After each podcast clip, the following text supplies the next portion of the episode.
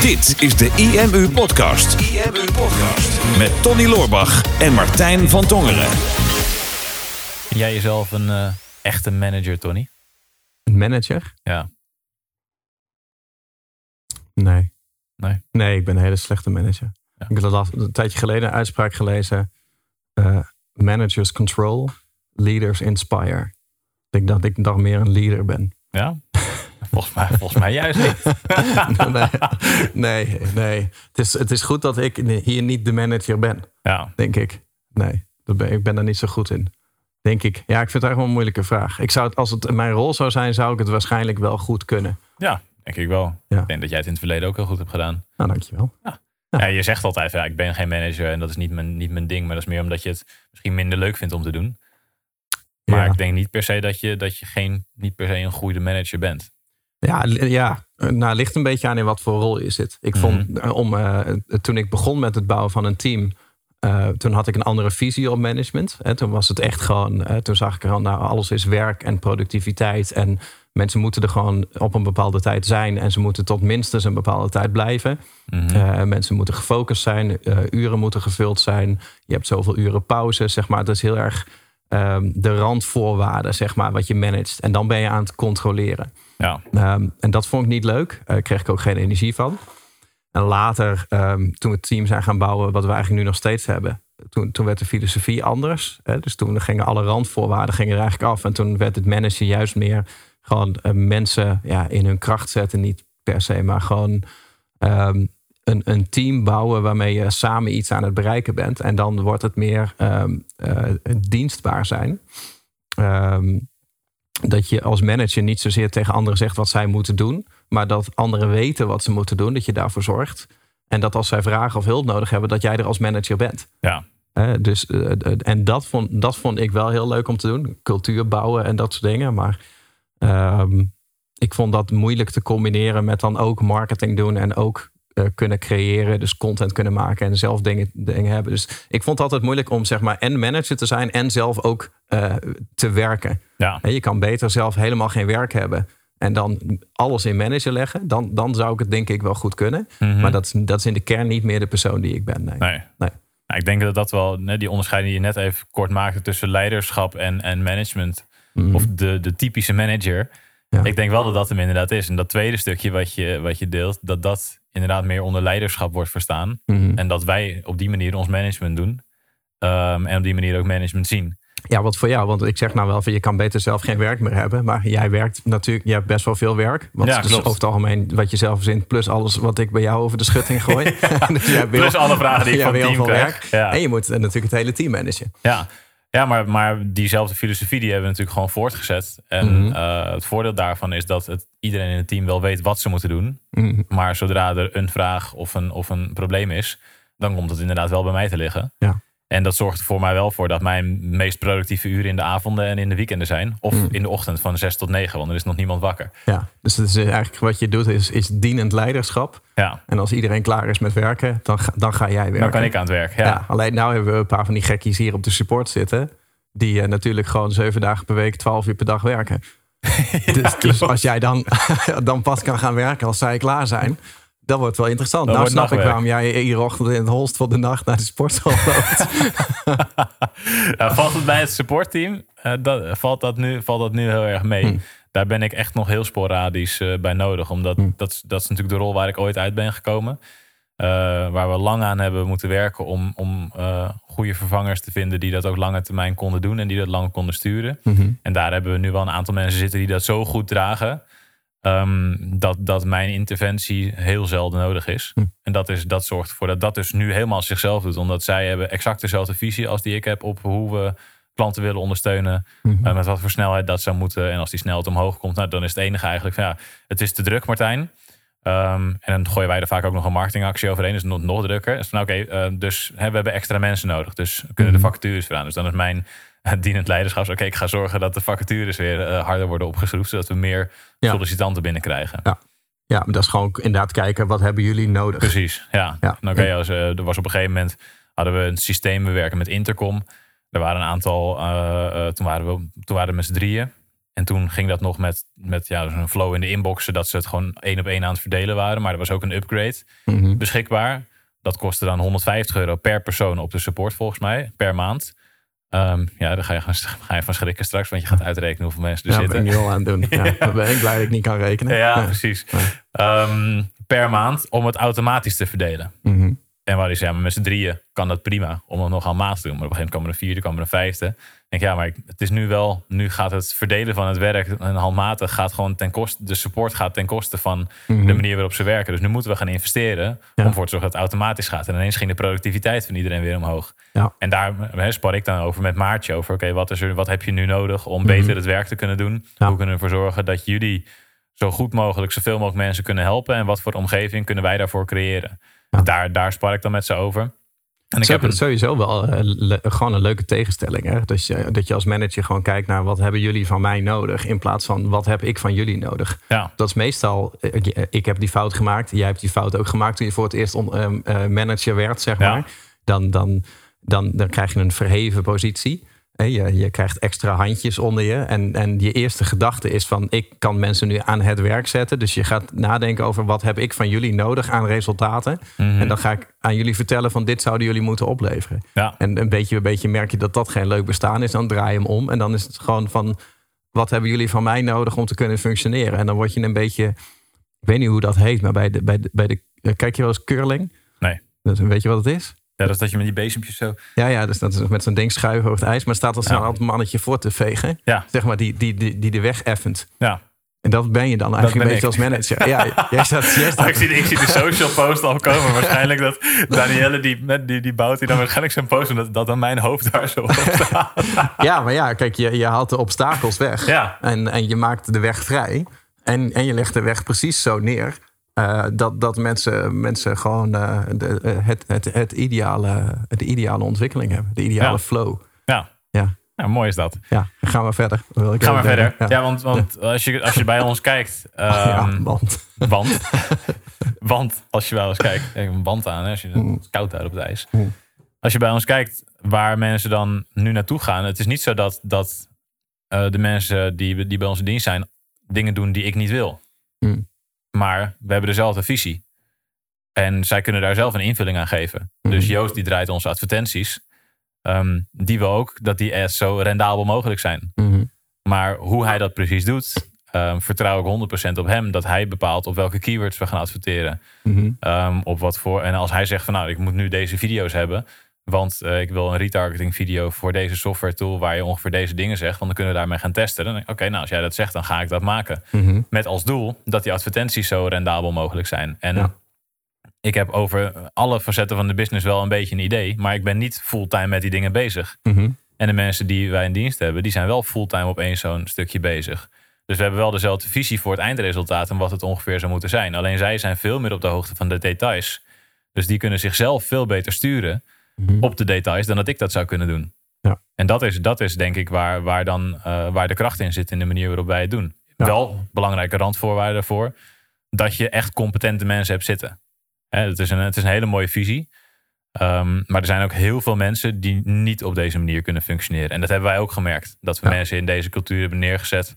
En erachter kwamen van ja, maar deze persoon is gewoon niet capabel genoeg om Mhm. dit op deze manier te doen. Er is niks mis met de persoon op zich. Mhm. Ehm, maar sommige mensen gaan juist veel beter op een hele duidelijke structuur. Waar ze we krijgen, oké, vandaag moet je deze tien taken doen. En als je het niet goed is, dan hoor je het van mij. En dan weet je morgen wat je beter moet doen. En als je dat drie keer fout doet, dan vlieg je eruit. Ja. Er, zijn, er zijn ook heel veel mensen die daar juist heel erg bij gebaat zijn. Omdat zij op die manier goed werken. Alleen dat is niet de manier waarop wij het willen doen. En ook niet de Nee. mensen die wij om ons heen willen Nee, verzamelen. nou ja, maar, maar een combinatie zou wel kunnen hoor. Eh, als, als je zoiets hebt van ja, maar dat is iemand die als, als ik dat kan leveren als manager. Dus eh, een, een dagplanning en een weekplanning en een, altijd een voor- en een nagesprek. En dan levert iemand gewoon, gewoon gouden werk op en dan Mhm. gaan we met z'n allen vooruit. Als dat van je gevraagd wordt, dan, dan, dan, dan is het aan jou als manager om te bepalen van ja, kan ik, kan ik dat leveren? Ja, En als dat kan, dan, dan, dan zou je dat ook kunnen doen. Je zou ook gewoon twee mensen in je team de, de- twee hele andere behandelingen kunnen geven. Dat, Ja, dat, zou, absoluut. dat, zou, dat, zou, dat zou zeker kunnen. Maar het is, het is ook een ervaringsvak, hè? want we zijn helemaal niet met de vraag begonnen, bedenk ik nu. Maar we hebben, we hebben hier natuurlijk een vraag over gekregen. En dat ging over van hoe hebben jullie geleerd om een team te managen? ja. Dat een vraag van Rufus, dat is mijn trainer. Oh ja, ja. Nou ja, en kijk, ik, ik, je kunt er heel veel over leren. Ehm, als je een beetje in de, oud, de oudere stijl managementboeken gaat kijken, dan kom je vaak in het controlerende. Mhm. En eh, dat, is, dat is grappig om te zien. Ehm, ik had het in die, die boekenlees-challenge die ik heb gedaan. We moesten natuurlijk 30 boeken in zes weken lezen. En dan kom je ook gewoon op, op een aantal boeken die over hetzelfde onderwerp gaan. Dus bijvoorbeeld over management. Mhm. En nou ja, eh, de, bijvoorbeeld eh, Het Dienend Leiderschap, een boek over gelezen. Uh, maar ook wel wat oudere boeken die juist veel meer over dat controlerende gaan. Dat gaat allemaal over productiviteit en, en um, uh, resultaat maximaliseren, zeg maar. Mm um, maar als je in de nieuwere boeken komt, en met name van de nieuwere bedrijven, dus gaat naar de unicorns richting uh, Silicon Valley of bijvoorbeeld ook Spotify, wat dan in Zweden zit, maar Spotify, Netflix, hoe heet het, Square, dat soort, dat soort bedrijven die zitten allemaal aan een hele andere kant. Die, zitten, Mhm. die hebben een hele, hele vrije vorm. Een beetje wat, wat wij ook doen. En zij doen een beetje net zoals IMU. Maar, uh, maar gewoon, uh, weet je, geen vaste uren meer. Geen vaste dagen. Um, geen, geen functies, maar verantwoordelijkheden. Uh, veel meer autonomie. veel meer gericht op persoonlijke groei. En veel meer gericht op Um, een, een, een blije werknemer is een productieve werknemer. Mhm. Uh, in plaats van ik ben aan het managen om iemand productief te maken, ben je aan het managen om iemand blij te maken en iemand gelukkig te maken. Ja. En uh, dat, dat is wel moeilijk om te leren. Je kan je wel heel erg laten inspireren als je die visie niet hebt. Want je zult zien, als je, als je voor het eerst gaat managen, je hebt de neiging om in het, in het krampachtige te gaan en om de makkelijke weg te kiezen. En de makkelijke weg is uh, autoriteit uh, krijgen doordat het op papier staat. Uh, dus Mhm. jij zegt van ik ben de baas, want dat is nou eenmaal zo. In plaats van ik heb autoriteit omdat je tegen mij opkijkt of omdat ik vooruit loop hè, of omdat ik je inspireer. Dat tweede is moeilijker dan zeggen ja, dat is nou eenmaal zo. en je gaat controleren van je moet er zo laat zijn, je moet zo laat, moet je er nog, mag je pas weg, je moet deze taken doen. En ik wil alle taken zien en ik zeg wel wat er niet goed is. Dat, dat is een hele makkelijke vorm van management. Uh, maar is eentje waarmee je eigenlijk heel weinig rendement uit mensen haalt. Ja, dus waarmee je het heel klein houdt. Grappig, toen, toen ik net de officiële manager werd. Ik, Ja. ik was eigenlijk was ik al een tijdje degene die, die eh, de mensen op, in het team aanstuurde voor een groot gedeelte. En, Mhm. en samen met jou afstemde wat er moest gebeuren. En ik hield dat dan redelijk in de gaten. Ehm, alleen vanaf het moment dat ik officieel mede-eigenaar was, toen was het ook nog, nog meer mijn verantwoordelijkheid. En toen voelde Ja. ik dat ook zo. Ja. En toen waren er een paar mensen in het team die eh, niet rendeerden. Die, die, die gewoon eigenlijk niet, niet goed presteerden. Mhm. Ehm, en een symptoom van die mensen was dat ze steeds later op kantoor kwamen. Hm. En toen had ik iets van, en jij had nou, destijds de filosofie neergezet van nou hè, maakt niet uit eh, hoe laat je er bent, maakt niet uit hoe laat je weggaat, maakt niet uit hoeveel uren je maakt, als je maar eh, oplevert. Alleen Mhm. ik merkte dat het niet opleveren bij die mensen gepaard ging met het steeds later op kantoor komen. Mhm. Dus toen ging ik ze daarop aanspreken. Maar ik ging niet alleen hen erop aanspreken, maar ook een aantal andere mensen die soms wat later kwamen. Ja. Van hé jongens, hè, waarom, hoe, hoe kan je er nou zelfs om kwart over negen nog niet zijn? Ja, Kom op. jezus. Ja. Nou, eh, kwart over tien. Nou, hè, vrije ochtend gehad. Mhm. En dan hè, wel een beetje grappend, maar ook ergens wel van ja, kom op nou jongens, laten we er eens allemaal op tijd zijn. En, en daarmee ging ik eigenlijk op de verkeerde symptomen sturen. Mhm. En ik ging bij allem, iedereen ging erop aanspreken. Mhm. Terwijl bijvoorbeeld een Douwe, eh, die ik daar dan ook, tegen wie ik daar dan ook wat over zei. Ja, die zit dan s'avonds van, van 8 tot 11 is hij het meest productief. Ja. Maakt hij de meeste meters. Ja, Ja. natuurlijk is hij er dan niet 's morgens vroeg als een van de eerste. Nee, dat is hartstikke logisch. Is hij eigenlijk in paniek van ik moet er vroeg zijn. Dus Ja. dan ga ik vanavond maar wat eerder, eh, wat eerder stoppen. Exact, en dan, dan levert hij uiteindelijk misschien wel minder op. Is hij minder productief? Is hij minder blij? Is, is, is allemaal dingen negatief. Alleen maar omdat ik aan het sturen was op symptomen van andere mensen. Mhm. Ehm, wat ook niet per se. Het kwam niet dat ze, doordat ze laat kwamen. Dat hun werk niet, eh, niet goed was. Mhm. Maar het was een soort van totaalpakket. En dit was een van de dingen die steeds meer, eh, steeds meer opviel. Waardoor je daarop ging sturen. Ja. En dat toen uiteindelijk ge- gekeken van oké, maar dit is niet logisch om het hele team te gaan sturen op een paar symptomen van twee mensen die niet functioneren. En toen inderdaad per persoon gaan kijken, oké, wat is eh, het eindresultaat wat we beogen met, met hetgene wat jij doet? Mhm. En hoe kunnen we ervoor zorgen dat dat eh, zo optimaal mogelijk bereikt wordt? En wat heb jij daarvoor nodig en wat kunnen we daarvoor faciliteren? Ja, maar ja, het- het- het- daarom zeg ik ook, het is een hele makkelijke vorm. Hè? Ja. Want, eh, want je hebt gewoon zoiets van, het is nou eenmaal zo. Dat is dan je argument. En iedereen moet zich daar dan aan houden. En dat is dan eigenlijk je eigen gebrek aan controle. Dat dat projecteer je dan op het bedrijf. Ja. Je durft dan één iemand eigenlijk, dat is te spannend om die aan te spreken. Dus dan spreek je maar het hele bedrijf erop aan. En dan zeg je, nou, nu moet iedereen zich hier aan houden. Ja, Ehm, en de, echt, de meeste managers doen dat. Die kiezen de makkelijke vorm. Ehm, en die houden ook afstand. Ik heb er in het verleden heel vaak discussies met andere ondernemers over gehad. Die dan zeggen van ja, maar als, als jij met je team dan gaat borrelen. Dan ga jij dan, ga jij dan ook mee op stap? Hè? Of, eh, en en, en drink, je, drink jij dan ook bijvoorbeeld eh, veel dat je ook bijvoorbeeld aangeschoten raakt bij je team en dat soort dingen. En de meesten hebben zoiets, ja, dat, dat moet je gescheiden houden. Hè? Je kan Mhm. prima dat je een biertje meedrinkt, maar je gaat dan na het tweede biertje ga jij naar huis. Want jij bent de leidinggevende. Er moet, er moet een afstand zijn. Je moet niet eh, met je dronken kop op een dansvloer staan om vier uur s'nachts tuss- tussen de stagiaires in. Dat ik denk van ja, maar dat is, dat is gecreëerde autoriteit. En autoriteit eh, krijg je niet. Autoriteit verdien je. ja? En, en je kan juist autoriteit krijgen door eh, gewoon gewoon te blijven, zeg maar. Maar denk, ja, maar ik wil mijn mensen niet inspireren met het feit dat ik na twee biertjes kan stoppen met bier drinken. Sterker nog, ik wil mensen eigenlijk inspireren dat ik meer kan drinken dan hun.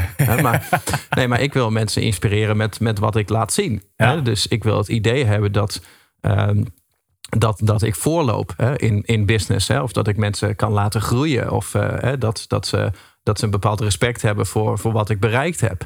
Dat, dat je daden moeten voor je spreken. ja, En, en, en niet dat hele zwakke ingekaderde van ja, ik, ik twijfel, dus, dus we leggen er een paar regels bij. Maar je zult zien dat ook al heb je die filosofie, dat als je voor het eerst gaat managen, dan heb je de neiging om dat te gaan doen. Hè? Om je eigen onzekerheid, om, om die eh, terug te geven in, in controle.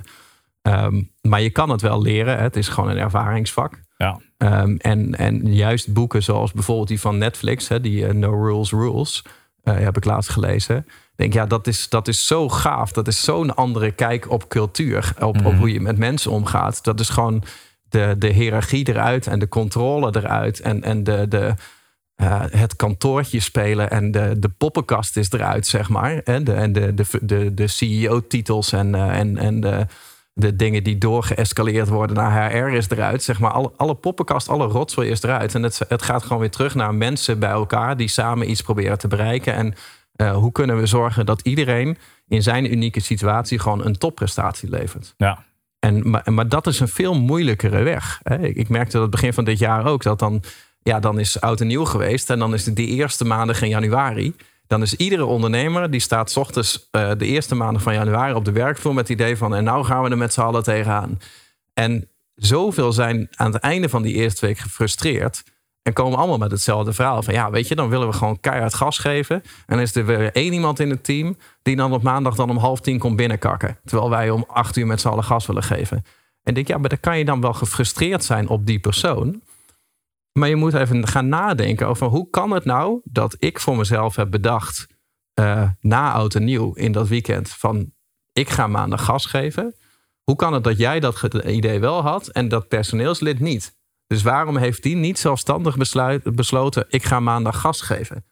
Daar, daar zit het. mhm, dus, dus dan moet je nadenken van wat, wat had ik anders kunnen doen voor deze persoon om al voor deze maandag een situatie te creëren waarin iemand gewoon zin had om gas te geven en er meteen had gestaan. Eh, omdat hij al op de hoogte was van de wilde plannen die we hadden. In plaats van dat je die dan op maandag nog eens een keer gaat vertellen. En het is zo makkelijk, zeg maar, om uit controle en uit boosheid en eh, uit strengheid, zeg maar, eh, te managen. Maar daar kom je uiteindelijk niet verder mee. Dan wordt het gewoon een heel zwaar, heel vermoeiend vak. ja, En als je het op een andere manier doet, dan, ehm, ja, dan, dan focus je meer op persoonlijke groei. En dan wordt het een heel leuk vak. Ja, want ik weet nog in het begin dat ik denk, hè, wat je net zei, er komt een stukje onzekerheid. Ik denk dat het bij mij toen ook wel was. Ik was toen net 24 volgens mij. Ja. En dan, eh, ja, dan, dan wil je het goed doen. Hè, want het is, ook een, het, is een, het is nog meer je verantwoordelijkheid dan het al was op dat Ja. moment. En zo voelde het ook. Mhm. Dus je wil het goed doen. En dan ga je inderdaad sturen op totaal de verkeerde dingen. Omdat je denkt dat dit het Mhm. naar dat nieuw niveau gaat helpen. Terwijl dat Ja. niet per se het geval is. Mhm. En, en precies inderdaad die, zo- zo'n boek als No Rules Rules van Netflix. Of ook hoe ze het bij Spotify hebben aangepakt. eh, en bij Square. Ik Ja, dat inspireert op zo'n ander niveau. Mhm. Ehm, omdat je meer gaat kijken naar de persoon. En ik denk dat als je, eh, als je een team wil managen, je moet natuurlijk sowieso kijken naar, naar ehm, ja, wat voor persoon je zelf bent en wat voor, wat voor managementstijl bij jou zou passen. Mhm. Maar ik denk dat heel veel mensen anno nu wel iets hebben, ja, laat die poppenkast maar achterwege. En laten we in plaats van een paar functies creëren om wat, wat papiertjes heen en weer te schuiven. Ja. Gewoon zorgen dat we met alleen maar mensen zijn die daadwerkelijk toffe dingen doen, die bijdragen aan de visie van het bedrijf. Ik denk dat dat een van de belangrijkste dingen is. Dat je moet zorgen dat mensen die bij je werken, ehm, dat die dezelfde visie hebben als jij. In ieder geval voor dat stukje wat zij, wat zij gaan doen. En dat je ze daar dan op kan gaan inspireren. En ik denk dat dat, als, je, als je kijkt naar, naar hoe kan je jezelf dan ontwikkelen. Sowieso learning by doing is denk ik inderdaad nummer één. Want je Mhm. merkt vanzelf, nou ik heb dit gedaan, dat werkte niet. Dus ik ga kijken hoe ik dat anders kan aanpakken. Of, of Mhm. hier kreeg ik negatieve respons op. Wat nou als ik het, als ik het zo doe? Ehm, en als je dingen fout doet eh, en mensen vinden het niet leuk, dat ook toegeven. Ik Ja. heb best wel een aantal keer gehad dat mensen iets tegen me zeiden. Nou, vond ik niet tof. Zeg ik, oh ja, sorry, ik heb dat totaal niet zo bedoeld. Maar hè, ik, ik, wat dit, dit, dit was mijn intentie daarmee. Ja. Maar je Ehm, moet ook niet grappen die wij met z'n tweeën maken, die moet je ook niet doorvertellen Niet? aan het team. Oh, Nee, ja. oh, dat wist ik niet. nee, daar gaat het fout. Daar ja. gaat het fout. Nou, Oké, eh, dat heb ik niet zo, niet zo bedoeld. Want dit was uiteindelijk wat we wilden bereiken. Hoe zou Mhm. jij dat dan doen? Nou, dan geven zij dat aan. Oké, nou top. Dan gaan we, ga ik dat meenemen, die input. Dank je wel daarvoor. Mhm. En, en zelf ook gewoon altijd open blijven staan om te leren. Want ja, je staat dan officieel boven iemand in de hiërarchie. Maar Ja. dat wil niet per se zeggen dat je altijd beter bent. Of altijd dingen beter weet. En ik denk Mhm. dat als het gaat om management, dat persoonlijkheid en, en ehm, persoonlijke kennis en, en zorgen dat je goed kan levelen met de verschillende mensen, dat dat een van de belangrijkste management skills is die er is. Omdat je op die manier weet van oké, ik, ga, ik ga persoon A, die, die kan ik het beste op deze manier aansturen. Mhm. Met, deze, met deze persoon kan ik op die manier in gesprek gaan. En bij persoon B moet ik misschien dat op een hele andere manier doen. Moet ik, bij de ene ben je wat strenger, bij de andere ben je wat, wat toegankelijker. Mhm. Ehm, zodat je op het niveau zit van de persoon die je tegenover je hebt. En dat heeft wel met, met een stukje persoonlijkheid te maken. En, en, een stukje persoonlijke kennis die je daarin hebt. En dat Ja. kan ook pas als je iemand wat beter leert kennen. Dus ik denk dat investeren in de mensen die je moet managen. eh, dat dat wel belangrijk is. En dat je weet ja, waar zij blij van worden, waar ze niet blij van worden. Ehm, en en als je, als je die, die stukjes op een gegeven moment weet en weet waar ze naartoe kunnen groeien, dan kan je daar ook weer beter ehm, de toekomst mee uitstippelen. Samen met ze. In plaats van dat jij het voor ze doet. Maar hoe is, het, de- de- de- hoe is dat nu ehm, voor jou? Want jij managt nu natuurlijk het hele team al eh, een eh, maand of elf in coronatijd. Mhm. Ik, ik krijg daar minder van mee. Ik merk dat, oké, ik heb mezelf eh, uit het management en uit de operatie gehaald. Eh, dus er zijn allemaal teams die allemaal online meetings met elkaar hebben. Maar ik zit in geen enkel team. Ja. Dus ik merk, oké, ik raak de connectie een beetje kwijt van hè, waar iedereen mee bezig is. Jij zit er natuurlijk wel middenin. Ja. Wat, wat, eh, wat is er anders? Of ja, dat is misschien een domme vraag. Wat is er anders? Maar wat, wat moest je veranderen in je management op afstand? Ehm, nou, wij hadden de mazzel dat onze werkproces in principe allemaal door kon gaan. Omdat we dat Mhm. online goed hadden staan natuurlijk. Ehm, iets meer structuur in een aantal processen. Zodat in ieder geval de dingen die er zijn, dat er, dat er altijd een aantal momenten zijn dat je met z'n allen bij elkaar komt. Mhm. Dus wij hebben bijvoorbeeld één weekmeeting. En dat was op kantoor was het altijd een beetje, nou we zien wel. En dan, hè, je, je, komt, Mhm. je bent om negen uur op kantoor. Dan is ongeveer de meeting. Maar iemand pakt nog Mhm. even koffie, pakt nog even thee. En je bent zo verder. Online werkt dat wat minder goed. Mhm. Dus je hebt één vast moment waar je dan met z'n allen bij elkaar komt. Ehm, maar dat we wel structureel inhouden. Mhm. Om eventjes wel de mensen bij elkaar te hebben. En, en de connectie onderling ook, ook te houden. Mhm. Ehm, en wij zijn begin vorig jaar, vlak voordat corona begon, gestart met elke maand een gesprekje te voeren met iedereen Mhm. omdat, omdat iedereen op zijn ja, eilandje zit, zijn eigen verantwoordelijkheden heeft. Ehm vond ik wel belangrijk om met iedereen in contact te blijven. Dus zijn we dat in die coronaperiode blijven doen. Eh, of het nou on- online was of eh, fysiek. Ben ik wel altijd één op één die gesprekken blijven voeren. Door op die manier in ieder geval Mhm. in contact te blijven met mensen. Ja. En ik denk dat dat wel een van de krachtigste technieken is geweest. Technieken. Krachtigste dingen is geweest ehm, in het management wat we de afgelopen jaren hebben gedaan Mhm. dat er structureel dingen zijn ingepland om wel bij elkaar te komen. Enerzijds één op één, dus de mensen die ik, eh, eh, die ik aanstuur of waar ik mee samenwerk, zo zie ik liever, Mhm. ehm, dat ik die sowieso één keer per maand spreek en niet zeg van nou, hè, je hebt, deze maand heb je deze, deze, deze dingen gedaan. Dat was allemaal niet goed. Hm. Maar wij kijken naar, ik noem het ook geen functioneringsgesprekken, ik noem het groeigesprekken. Ja. Dan kijk ik van oké, ik ga ervan uit dat iedereen die bij ons werkt, die wil graag groeien, die wil mooie, Mhm. dingen, mooie dingen creëren. Oké, hoe kijk je terug op afgelopen maand? Ja. Ehm, en ik heb soms bij sommige mensen heb ik zelf wel een idee van, nou, ik weet dat er een aantal dingen zijn die minder goed zijn gegaan. Mhm. Dan zeg ik niet van, nou, dit en dit is niet goed gegaan. Ik zeg, oké, hoe kijk je terug op afgelopen maand? Ben je tevreden? Ben je, heb je mooie dingen gedaan? Nou ja, een aantal dingen. Ik zeg, oké, Mhm. zijn er dingen die je afgelopen maand beter had willen doen? Nou, dan vertellen ze zelf vaak al de dingen die ik zelf ook in mijn achterhoofd had. Dus in Ja. plaats van dan iemand de vinger op de zere plek te leggen en, en, en aan te sturen van hé, hey, je hebt dit niet goed gedaan, Mhm. geef mensen de mogelijkheid om zelf aan te geven wat ze misschien anders zouden willen doen. Ja. En door op die manier ermee mee te werken, ehm, merk ik ook, zeker in deze periode, dat, dat het veel meer voelt van hé, hey, we gaan samen Mhm. zijn we aan het werk om een stapje omhoog te gaan met z'n tweeën. En aan het eind van het gesprek kijk ik mensen, oké, wat zou je graag de komende maand willen, willen veranderen? Wat zou je willen aanpassen? Mhm. En op die manier eh, dat samen afstemmen met elkaar, merk ik dat, dat, dat mensen in het team dat heel prettig vinden. Sowieso die consistentie van elkaar vaak spreken is heel prettig. Mhm. Voor vorig jaar deden we dat één keer per kwartaal. En dan merk je in een kwartaal gebeurt heel erg veel. Mhm. Dan denk je, ja, wat er in, eh, als je in januari elkaar spreekt. Ja, in oktober was dit en dit gebeurd. Dan denk je, pff, dat is al heel lang geleden. En soms Ja. voelt een maand weer heel erg kort. Want er kan, kan ook, ja, soms Ja. gebeurt er heel veel, soms iemand gebeurt er niks heel gedaan weinig. heeft vier weken lang. Ja, precies. Ehm, maar dan, die gesprekken hoeven ook niet per se een, een bepaalde tijd te duren. Soms is het een gesprekje van vijf minuutjes. En als er wat meer te bespreken is, is het een gesprekje van een half uur. Ja. Maar ik merk dat die consistentie, dat de mensen uit het team dat echt heel erg prettig vinden. Om Ja. dat één op één contact te hebben. En de consistentie van in ieder geval met elkaar ook één keer per week even bij elkaar te komen. Of het nou online is of fysiek. Dat je in ieder geval eventjes de mensen met wie je samenwerkt, dat je daarmee samen bent. En wij hebben toen na de zomer, hebben we er ook nog de Victory Friday aan toegevoegd. Ja. Want we hebben natuurlijk de kleinere teams. Maar om ook nog een keertje met de hele groep één moment per week te hebben om even wat positiviteit Ja. te delen en elkaar te zien. Ja, kijk, het moet natuurlijk geen meeting overkill worden. Maar Klopt. ik, ik vind de scheiding nu wel mooi. Dat, dat, hè, wij hebben natuurlijk Asana voor, dat, dat is het feitelijke werk. Hè, dus dat zijn alle to-do-lijsten van mensen. Mhm. En als jij eh, het, eh, eh, het wil hebben over inhoudelijk werk, dus je hebt een vraag over een bepaalde taak, dan gebeurt dat binnen Asana. Ja, En dus dan heb je altijd het gesprek op die plek zelf. Voor alleen de mensen die daarmee bezig zijn. En dan kan je ook altijd zien van wat hebben we nou afgesproken. En eh, we hebben dan Discord. Nou, daar zat ik dan nooit op. Maar dat is eigenlijk hè, de, de, de WhatsApp groep, zeg maar. Maar dan voor het bedrijf. Hè, Of Mhm. voor, voor alle bedrijven en alle mensen. Met kanalen voor eh tech support, spoedgevallen, eh oude hoeren, marketing. Dat, dat soort dingen door elkaar. En ik zit daar nu ook een beetje in mee te kijken. En een beetje als spectator, zeg maar.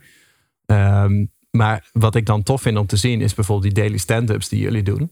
Ehm, dat, dat ik zie dat in Team IMU zie ik dat structureel gebeuren. Dat iedere ochtend dan deelt iedereen van dit ga ik vandaag doen. Ja. En aan het einde van de dag is er een round-up. En dan laat je weten wat heb je daadwerkelijk gedaan.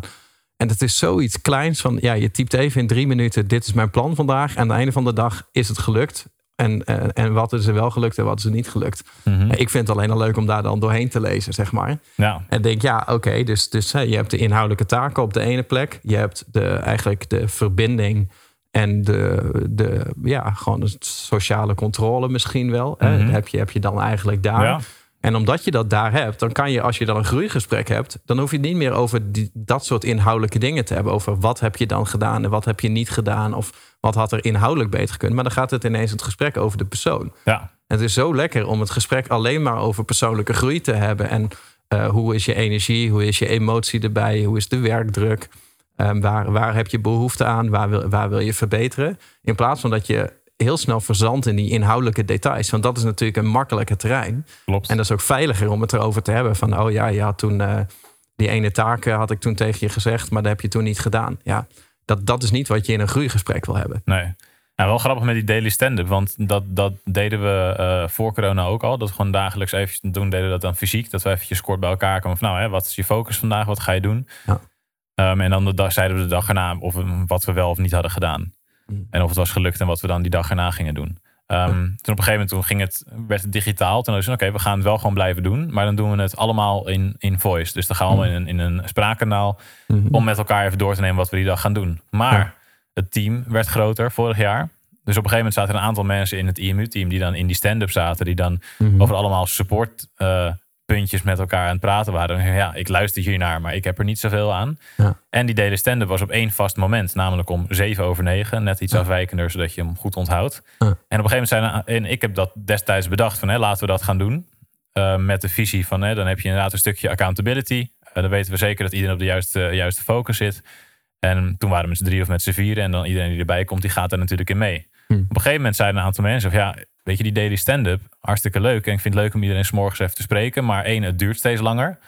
Omdat we met zoveel mensen zijn. En het gaat steeds ook over van alles. Vind ik heel gezellig, want corona. Mhm. Maar ik merk wel dat ik mijn focus erdoor verlies. Mhm. Want ehm, ik begin mijn dag om half zeven.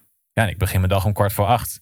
En het idee van zo'n daily stand-up is dat je aan het begin van je dag met Mhm. elkaar bij elkaar komt om het erover te hebben. Ja. Dus dan denk je oké, maar wat zouden jullie dan liever willen? Wat, zou je, wat zou je prettig vinden?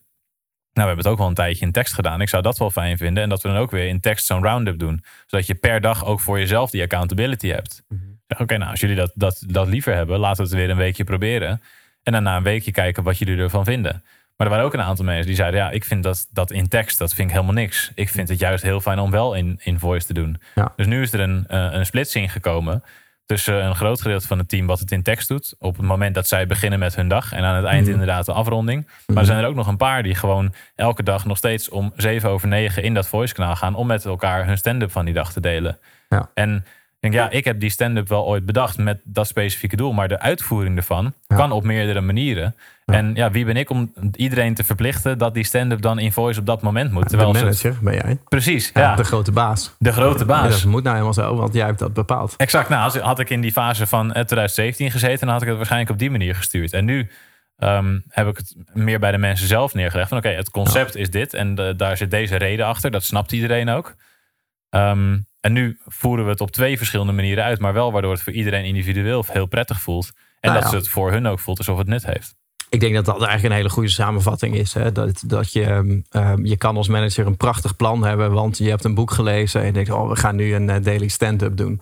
Of we gaan nu een eh, weekmeeting eh, plannen, of we gaan, gaan dit gebruiken. En dan word je op een gegeven moment, je, je bent altijd verliefd op je eigen ideeën. Want je ziet het voor je en het moet werken.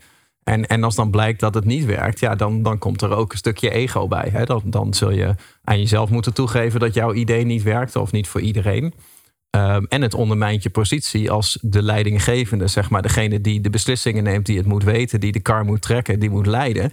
Dat je zegt van ja, maar ik, ik heb hier wel de leiding, maar ik heb net eh, iets uitgerold of bedacht wat dus niet werkte. En dat is ook vaak een beetje gevoelig. Dus dan hou je dingen maar in stand.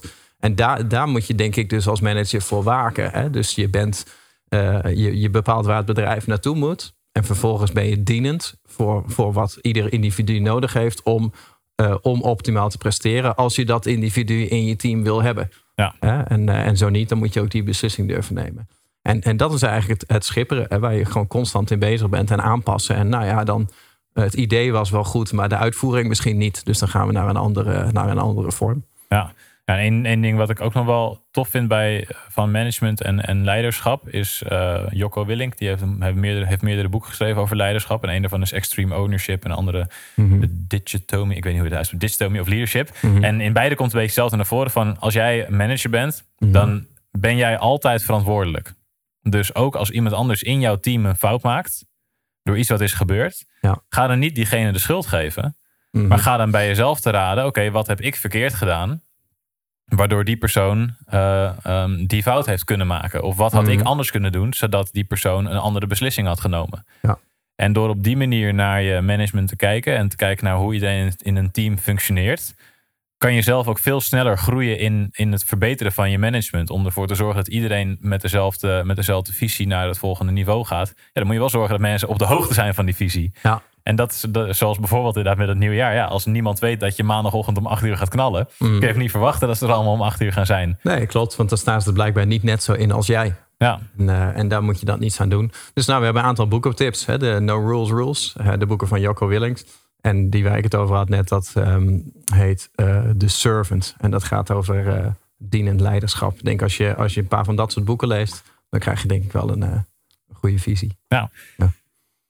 Ik ben heel benieuwd. Heb jij een eigen team en, en ben jij ook aan het struggelen met je management? Of heb je al heel veel ervaring met, eh, met leiderschap van teams? Ik ben benieuwd of je die eh, ervaringen zou willen delen. Dus laat even in de comments onder deze video achter wat jouw visie op management is. Denk je, Tony Martijn, hartstikke mooi al die sprookjesverhalen over een fantastisch team à la Silicon Valley. Maar dat werkt gewoon niet in het echt. Mag je natuurlijk ook laten weten. Ehm vind het leuk om het gesprek met je aan te gaan. Dus reageer even onder deze video. En vergeet ook zeker niet om een flinke duim te geven.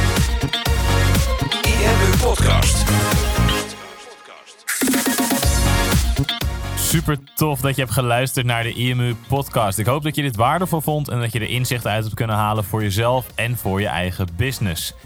Vond je dit nou een waardevolle podcast, dan zouden Tony en ik het heel erg waarderen als je dat zou willen delen.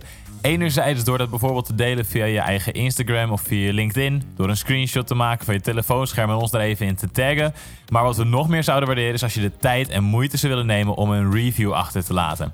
Werk je met een Apple-telefoon, dan kan je dat doen binnen je eigen podcast-app door daar een review te geven. Geef ons een x aantal sterren met daarbij een korte motivatie wat je van onze podcast vindt. Zouden we echt enorm waarderen als je die tijd zou willen nemen. En werk je met een Android-telefoon, dan zie je dat, daar, eh, dat de meeste apps geen review-mogelijkheid hebben. Wat we dan heel erg zouden waarderen is als je op Google IMU zou willen intypen en vervolgens via de Google Review-sectie iets zou willen vertellen over de IMU, wat je van ons vindt en wat je aan onze podcast hebt gehad. Alvast heel erg bedankt en ik hoop natuurlijk dat we je volgende week weer mogen verblijden met een volgende aflevering van de IMU-podcast.